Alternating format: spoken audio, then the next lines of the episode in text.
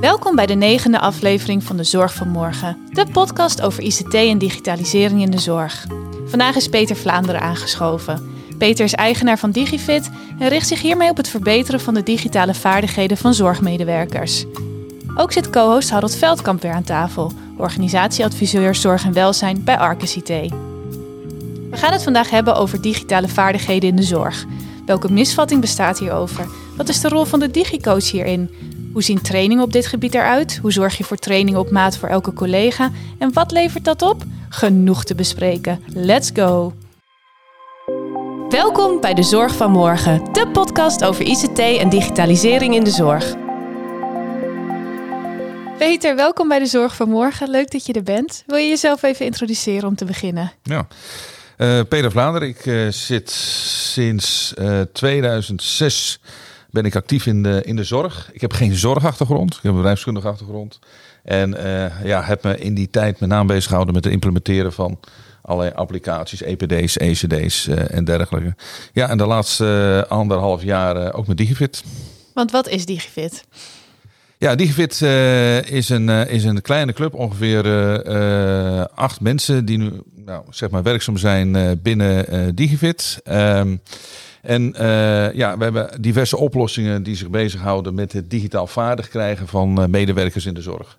Ja. En we richten ons specifiek op de zorg, maar ondertussen zijn we overal bezig met wat organisaties buiten de zorg, bijvoorbeeld in gemeenteland. Nou ja, die vaardigheden zijn overal wel een Is probleem. natuurlijk breed. Ja, ja want jij was natuurlijk aan het werk in, de zorg al met de, meer de technische achtergrond en jij zag dingen waarvan je dacht, hey, dit gaat niet zo goed. Uh, precies, met name met die implementaties. Uh, ja, dan uh, loop je natuurlijk ook over, de, over de werkvloer. Ja. ja, en dan zie je dus dingen gebeuren waarvan je denkt van, hmm, weet je, we zijn natuurlijk al heel druk bezig om allerlei nieuwe dingen ja, neer te zetten, te implementeren in die organisaties.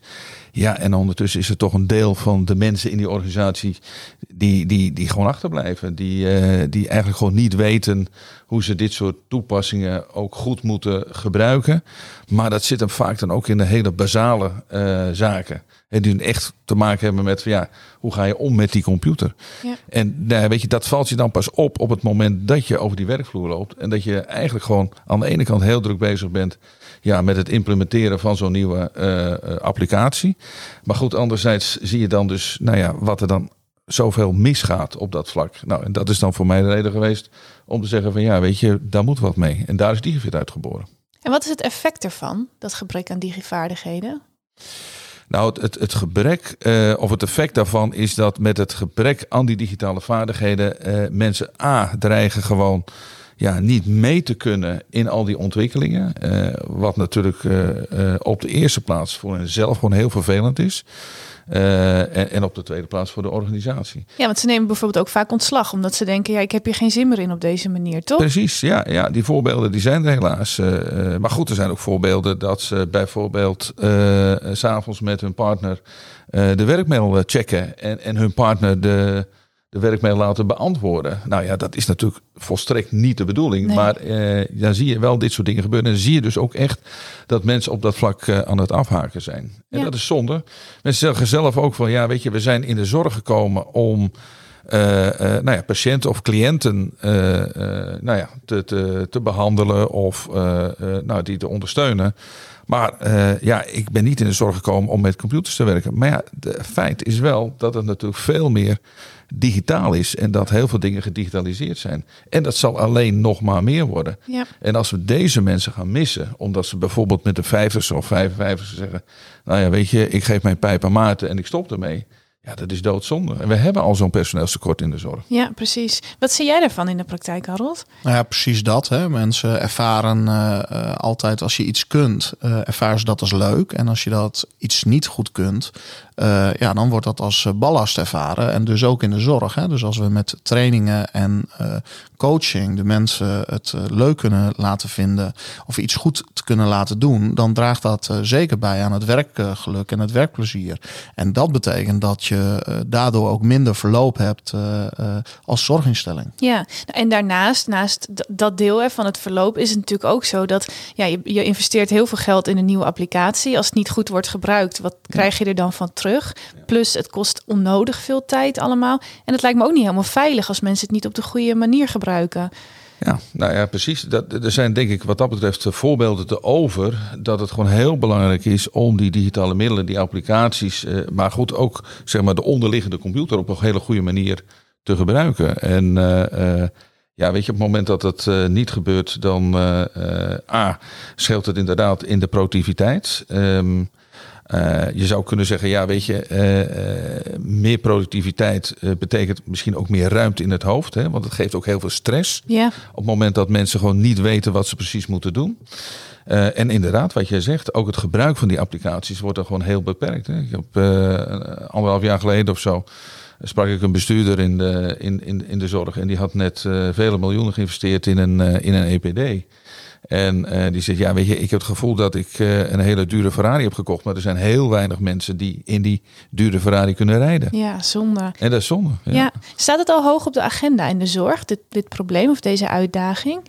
Uh, ja, en het staat steeds hoger, komt het op de agenda van de zorg te staan. Aan de andere kant, wat ik ook merk, is dat men toch veelal denkt van, nou weet je, wij investeren in digicoaches. Hè, dus die krijgen dan een opleiding. Uh, en die ligt dan nou ja, met name op het vlak van de coachingsvaardigheden.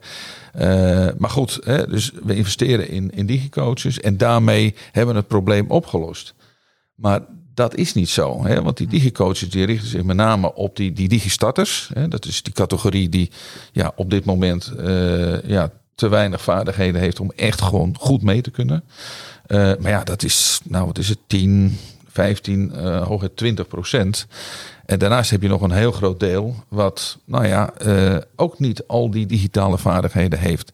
En als je daar nu niet in investeert, dan uh, ja, ga je daar echt spaak lopen richting de toekomst. Hè? Want dat is die categorie dan ja, die blijft er natuurlijk ook uh, uh, meer en meer achter in die hele ontwikkeling. Klopt, wij uh, hebben ook met Peter eigenlijk een, een soort test hè, die hij voor onze klanten doet om over de hele linie van het personeel, dus het zorgpersoneel, maar ook het kantoorpersoneel, om het zo maar te noemen, eigenlijk te kunnen meten welke digivaardigheden iemand heeft, zodat je daar ook gerichter op kunt trainen, maar ook je digicoaches die binnen de organisatie aangenomen worden, gericht huiswerk mee kunt geven van joh, werk nou hieraan of werk aan die vaardigheden. Want die staan juist in relatie tot hetgeen hier verwacht wordt van de medewerker. Ja, zodat niet iemand met die eigenlijk prima kennis heeft hele simpele dingen gaat leren of andersom, waardoor het ja, weer eigenlijk verlammend gaat werken. Wat kun je iets meer vertellen ook over die verschillende groepen? Hè? Word je ingedeeld in een groep? Is het echt heel erg individueel? Nou, het is uh, op de eerste plaats uh, uh, zeker individueel. Hè? Dus de scan waar Hans het over heeft, is, een, is een scan voor jezelf. het is ook een, een, een scan waarbij je uiteindelijk in het resultaat wordt vergeleken met alle duizenden die hiervoor die scan hebben gemaakt. Mm -hmm.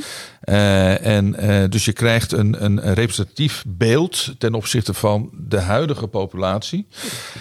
en daarnaast zijn het, is de scan waar niet alleen kennis van vragen in zitten, maar ook zogenaamde in-app vragen of vaardigheidsvragen.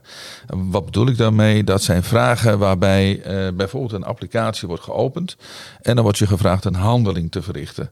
En hè, dus bijvoorbeeld wordt Outlook geopend en dan wordt je gevraagd om een afspraak in te plannen. Uh, en uh, dat is nou toch meer dan bijvoorbeeld een kennisvraag. Hè. Met die kennisvragen kunnen mensen misschien een beetje gokken of het gevoel hebben van nou dat is het antwoord. Maar met die andere vragen moeten ze echt laten zien wat ze kunnen. En daarmee is ook, zeg maar, die, die, het resultaat van die scan is ook veel meer nou ja, passend bij datgene wat er werkelijk met iemand aan de hand is. En, nou ja, en, en wat betekent dat dan? dus hoe ziet dat resultaat eruit? Is, nou, het is een persoonlijke rapportage, waarin dan ook wordt aangegeven wat je goed doet en wat je kunt verbeteren. Dus het is op de eerste plaats individueel. Ja, en waar wij dan in de volle breedte mee bezig zijn, is de mensen dus ook voldoende materiaal aan te bieden. En dat doen we dan doorgaans in de vorm van uh, microlearnings. Hè, dus kleine stukjes die men kan leren op basis van de eigen behoeften. Want het is ja, exact ook eigenlijk wat je zegt van je gaat natuurlijk geen mensen dingen leren die ze al kennen. Nee. En uh, dat zien we trouwens ook terug in de scan. Hè. Dus de scan is ook uh, een zogenaamde adaptieve scan. Dus die zal ook uh, alleen die vragen stellen die voor jou in jouw niveau van belang is. We hebben een database met ruim 300 vragen. En hij merkt al bij vraag 2 of 3 die hij stelt van... hé, hey, jij kunt toch complexere vragen aan. Dus dan krijg je ook complexere vragen. Oké, okay, dus als ik het goed begrijp... stel dat ik een zorgmedewerker ben en ik ga die test doen... dan krijg ik een aantal vragen die vooral ook om handelingen gaan. Ook wel wat kennis, maar die handelingen moet ik natuurlijk laten zien. Ja. Het systeem merkt aan mij... oh, die gaat een beetje naar dit niveau, dus die gaat me steeds verder testen of uitdagen, om het zo maar te Precies, zeggen. Ja. Dan komt er een resultaat uit en die zegt: Oké, deze vaardigheden heb je en deze heb je nog niet echt. Ja. En op basis daarvan krijg ik dus die, die microlearnings, die kleine hulpmiddelen om die dingen die ik nog niet heb, om die te leren. Ja, die microlearning, dat klopt. Het klopt inderdaad wat je zegt. En die microlearning zijn allemaal hele kleine stukjes wat je kunt leren. En uh, het, het, meest simpele voorbeeld is uh, bijvoorbeeld in, in Excel. dat je dan leert om bijvoorbeeld een, een tabel te maken. Nou, dat is een, een, een microlearning van een twee of drie minuten. Maar je kunt ook leren om een draaitabel te maken. Nou, die is ook ongeveer 4, 5 minuten. Uh, maar goed, daarmee kun je dus echt wel differentiëren. En ook nou ja, de mensen datgene aanbieden wat bij hun niveau past. En op wat, wat voor vaardigheden? Zijn dat ook vaardigheden die allemaal relevant zijn voor de zorg?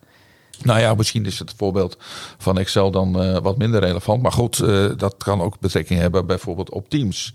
Ja. En uh, hè, dat is dan toch weer wat relevanter ook voor de zorgmedewerkers. Hè, want inderdaad, Excel is dan wat, wat minder relevant. Die kun je eerder tegenkomen in stafmedewerkers. Maar je ziet hoe vaak men ook met Teams bezig is tegenwoordig in allerlei overlegstructuren. Ja. Ja. En ja, weet je, en dan, dan zie je dus ook dat, dat daarin gewoon ook heel veel extra kennis en vaardigheden geleerd uh, kan worden. Maar het staat nog even los van alle applicaties waar men zelf mee werkt. Hè? Dus de ECD's en de EPD's. Maar daar komen we misschien nog wel even op terug.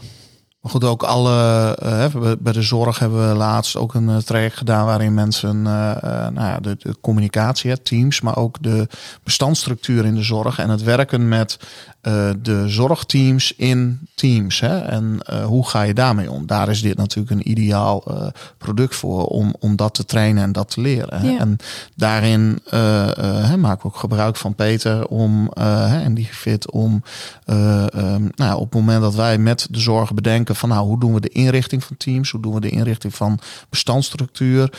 Wat is de manier waarop je als zorgmedewerker communiceert? Hè? Gaat dat ook via Teams of doe je dat bijvoorbeeld in de messenger van NEDAP? Uh, um, nou, als dan de keuze valt op, op Teams, omdat dat voor die zorginstelling het beste is, dan kun je met dit soort uh, nou, trainingen kun je mensen echt fysiek daarin laten werken op hun omgeving en op hun situatie. Ja. hè? Dus dat is wel los van nog wat Peter zo gaat vertellen over de zorgapplicaties, is het voor eigenlijk de applicaties die iedereen gebruikt in een zorginstelling al, al relevant. Ja, die worden misschien soms ook wel vergeten, juist vanwege de grotere applicaties, Klopt. terwijl dat dagelijks ook voorbij komt. Nou, vaak zie je dat mensen dat voor, voor aannemen dat men wel met het traditionele office pakket kan werken ja. of iets wat erop lijkt. Hè.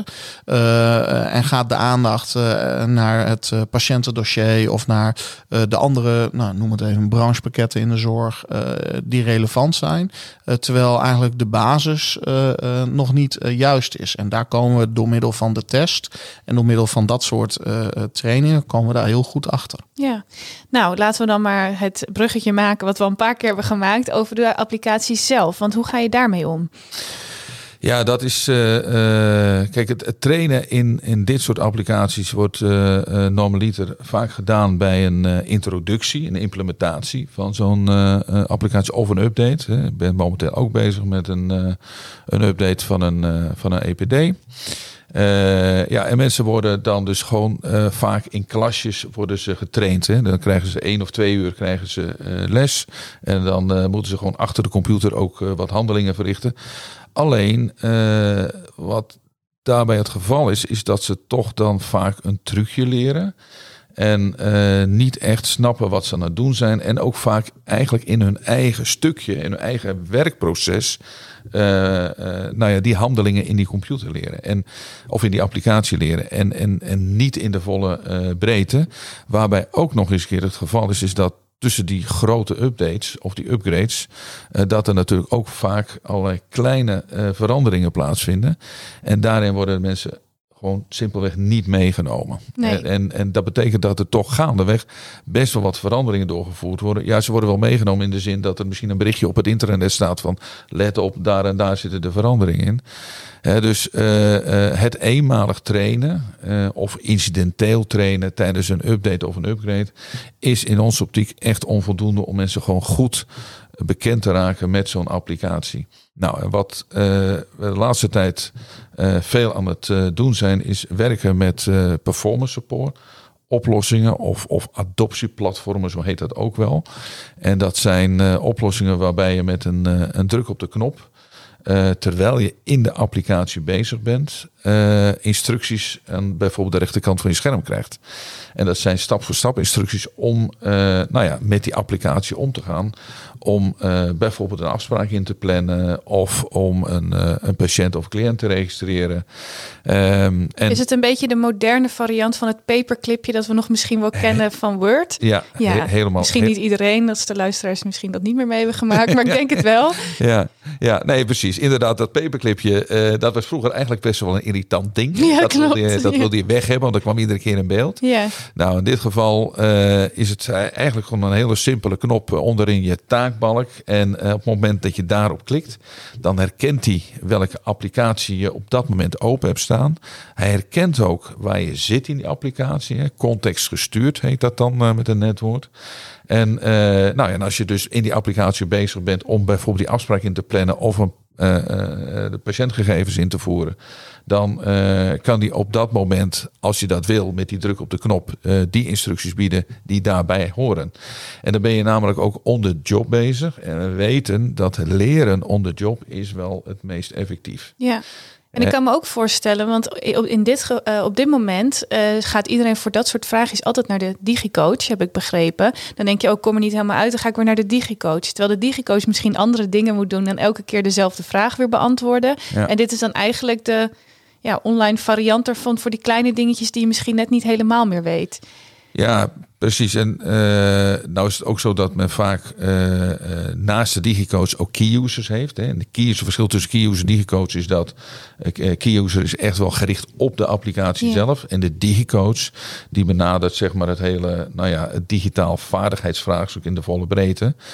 Maar vaak is het ook zo, en daar heb je gelijk in, dat veel digicoaches ook key users zijn. Of vice versa. Ja, of dat ze alsnog worden aangesproken daarover. Want ze denken, oh, die is handig met een computer, dus die, die vraag ik wel Exact, even. Ja. exact. Ja. Ja, en um, want uiteindelijk, zij zit, je zit dan in die applicatie, je krijgt die, die informatie daarover. Kun je dat ook uit jezelf opzoeken? Of is het altijd, is er een soort database? Of is het gewoon echt wat je zegt, terwijl je bezig bent, popt het op?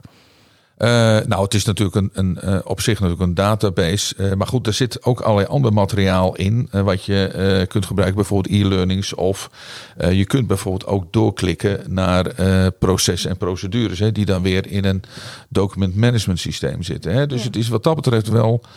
Nou ja, je zegt inderdaad uh, een soort digicoach online die jou uh, op dat moment direct kan helpen met allerlei vraagstukken. He, dus als je zegt van nou weet je, ik wil toch meer achtergrond weten, dan pak je die e-learning. Als je zegt van nou ik wil even heel snel weten hoe ik dit in moet vullen, dan ga je gewoon voor die stap voor stap instructies.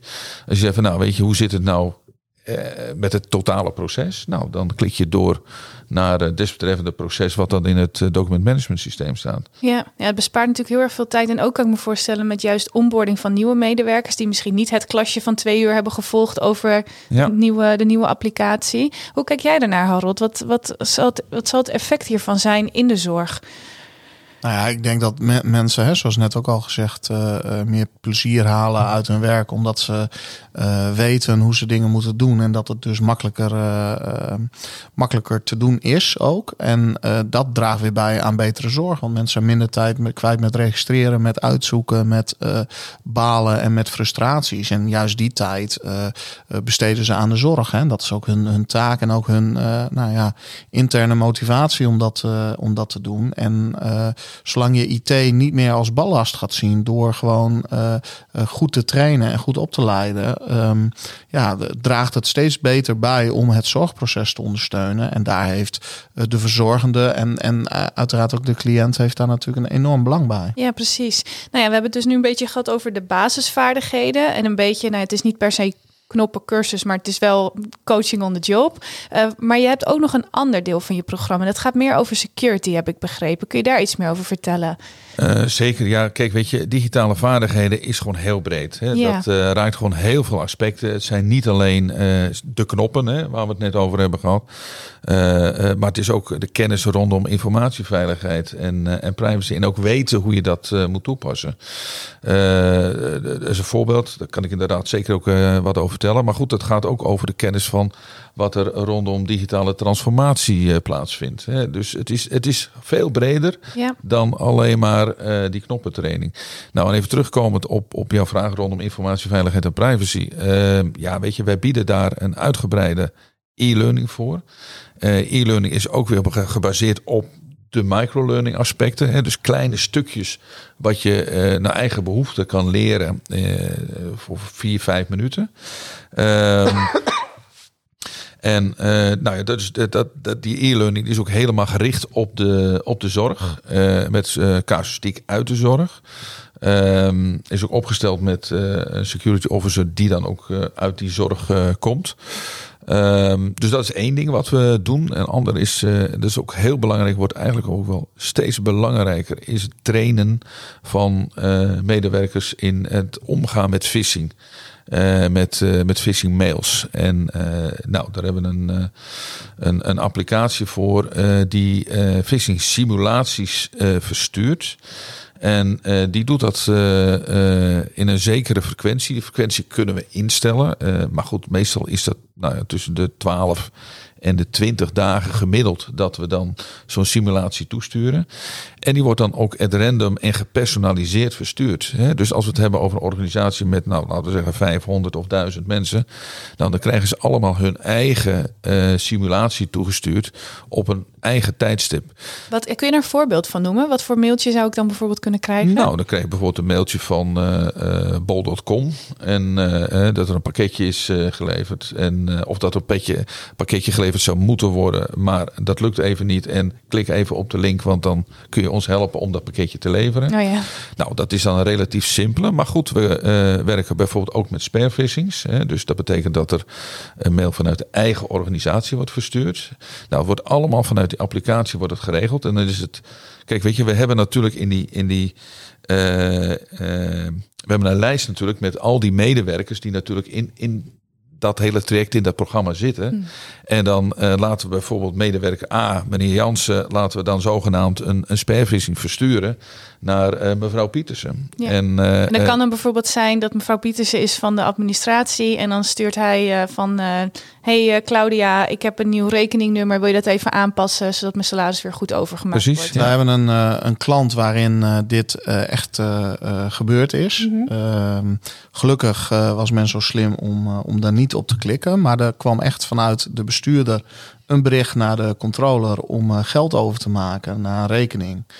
Um, terwijl de controller die ontdekte dat, uh, zeg maar, de, de mail dat die niet van de bestuurder was, uh, door uh, eigenlijk het, het, textuele. Hè? Dus zo, zo communiceren wij niet binnen de zorginstelling met elkaar. Dus dit is wel heel vreemd. Dus mm -hmm. die heeft er achteraan gebeld. Ehm, maar het is echt net echt. Hè? Dus dat komen we vaak tegen. En vaak hoor je ook in het begin bij zorginstellingen zeggen van ja, maar dat, dat gebeurt hier niet. Hè? Want iedereen, hè, er staat wel een spelfout in. Of, uh, maar dat, dat is tegenwoordig zijn ze zo slim daarin. Ja, dat is al lang niet uh, Nee, dat is niet meer. Nee. Het is echt actueel en het is echt wel een, uh, een gevaar voor elke instelling. Ja. Ja. Nou ja, en als we dan kijken, want dit is natuurlijk een specifiek onderdeel weer, maar als we nog even teruggaan weer naar het programma met de, met de scan en dat je gericht je um, microlearnings kunt doen. Wat kost dat een beetje? Eh, heb je daar een inschatting van? Dat is natuurlijk in de zorg zijn de kosten. Het levert natuurlijk heel veel op. Daar werd heel lang over gehad. Heb je een inschatting of heb je misschien wel een definitief iets? Wat stel ik ben een zorginstelling, zeg nou, ik wil dit wel gaan doen met, mijn, met al mijn medewerkers. Ik zie daar de waarde heel erg van in. Wat kost dat? Nou, misschien is het goed om, om dan even uh, op dat aspect uh, in te zoomen op de specifieke training die we hebben uh, lopen voor digicoaches. He, want ook digicoaches moeten natuurlijk getraind worden in hun vaardigheden.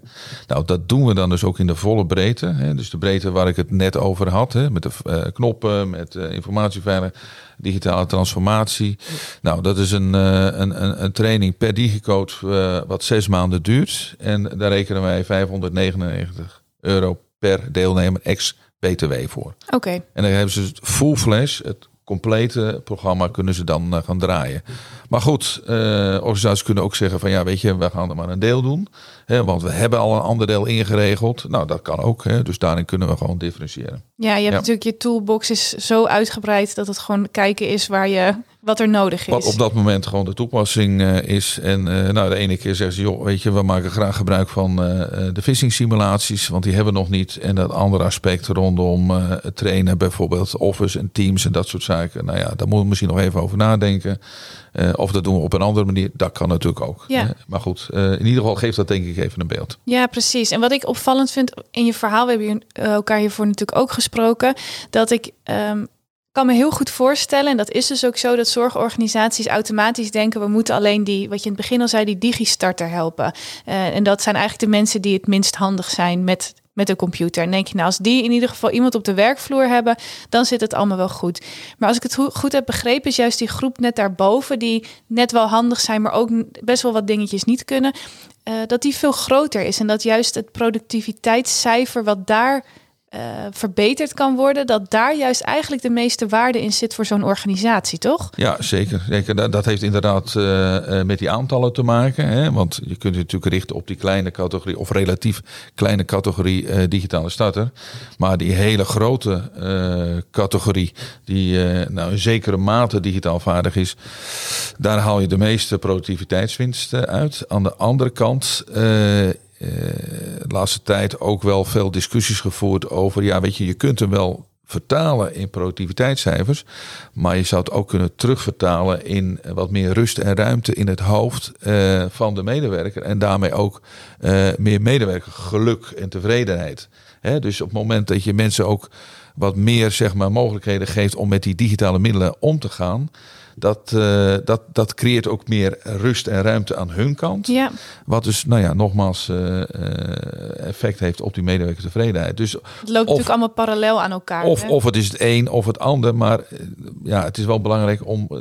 die groep niet te vergeten. Nou ja, niet die, die, de volle breedte daarvan te zien, zeg maar. Ja. En niet alleen te richten op nou ja, een, een, een bedrijfskundig aspect als uh, productiviteit. Ja, we zijn uh, bijna aan het einde gekomen van de aflevering. Uh, snel gegaan, ja, hè? Jij wilde nog iets zeggen, Harold? Nou ja, ik wilde eigenlijk zeggen dat wij vaak, ook, ook Peter en Digifit, dit soort trajecten doen bij, bij onboarding van, van systemen, zeg maar. waarin mensen toch ja, steeds meer zich bewust zijn van, van hey, we hebben nu een nieuw IT-systeem of een nieuwe wensen of dat soort zaken. En dan komt ook de bewustwording wel van ja, maar hey, hoe gaan we eigenlijk met ons, ons personeel om en met het verzorgende personeel? Dus ja, ook daar maken wij goed gebruik van. Nou, goed om te horen. Hebben jullie nog een laatste tip? Een van jullie voor de luisteraars die hier naar luisteren en denken: oh, misschien doen wij toch iets te weinig hiermee. Waar moet je beginnen? Hoe weet je waar je staat? Nou, een, een, een, een tip is wel dat als je echt met het vraagstuk aan de gang wil gaan, benadert als een programma. He, dus uh, benadert niet alleen als een projectje, maar als een programma uh, waarin je toch meerdere jaren vooruit kijkt. En waarin je dus in de volle breedte met dit vraagstuk aan de gang gaat. Want het is een HR-vraagstuk. Het is natuurlijk een zorgspecifiek vraagstuk. Uh, hè, dus, dus je zult echt heel veel disciplines erbij moeten trekken om dit uh, goed en wel aan de praat te krijgen. En, en, en, hou het niet alleen bij die digicoaches. Dat is en blijft toch wel even mijn, mijn oproep. Mooi. Nou, ik sluit me daarbij aan en betrek de, de organisatie erbij. Uh, dat is denk ik wel belangrijk. Nou, helemaal goed. Peter, dankjewel voor je uitleg en uh, veel succes. Dankjewel. Dit was de negende aflevering van de Zorg van Morgen. Tot de volgende keer.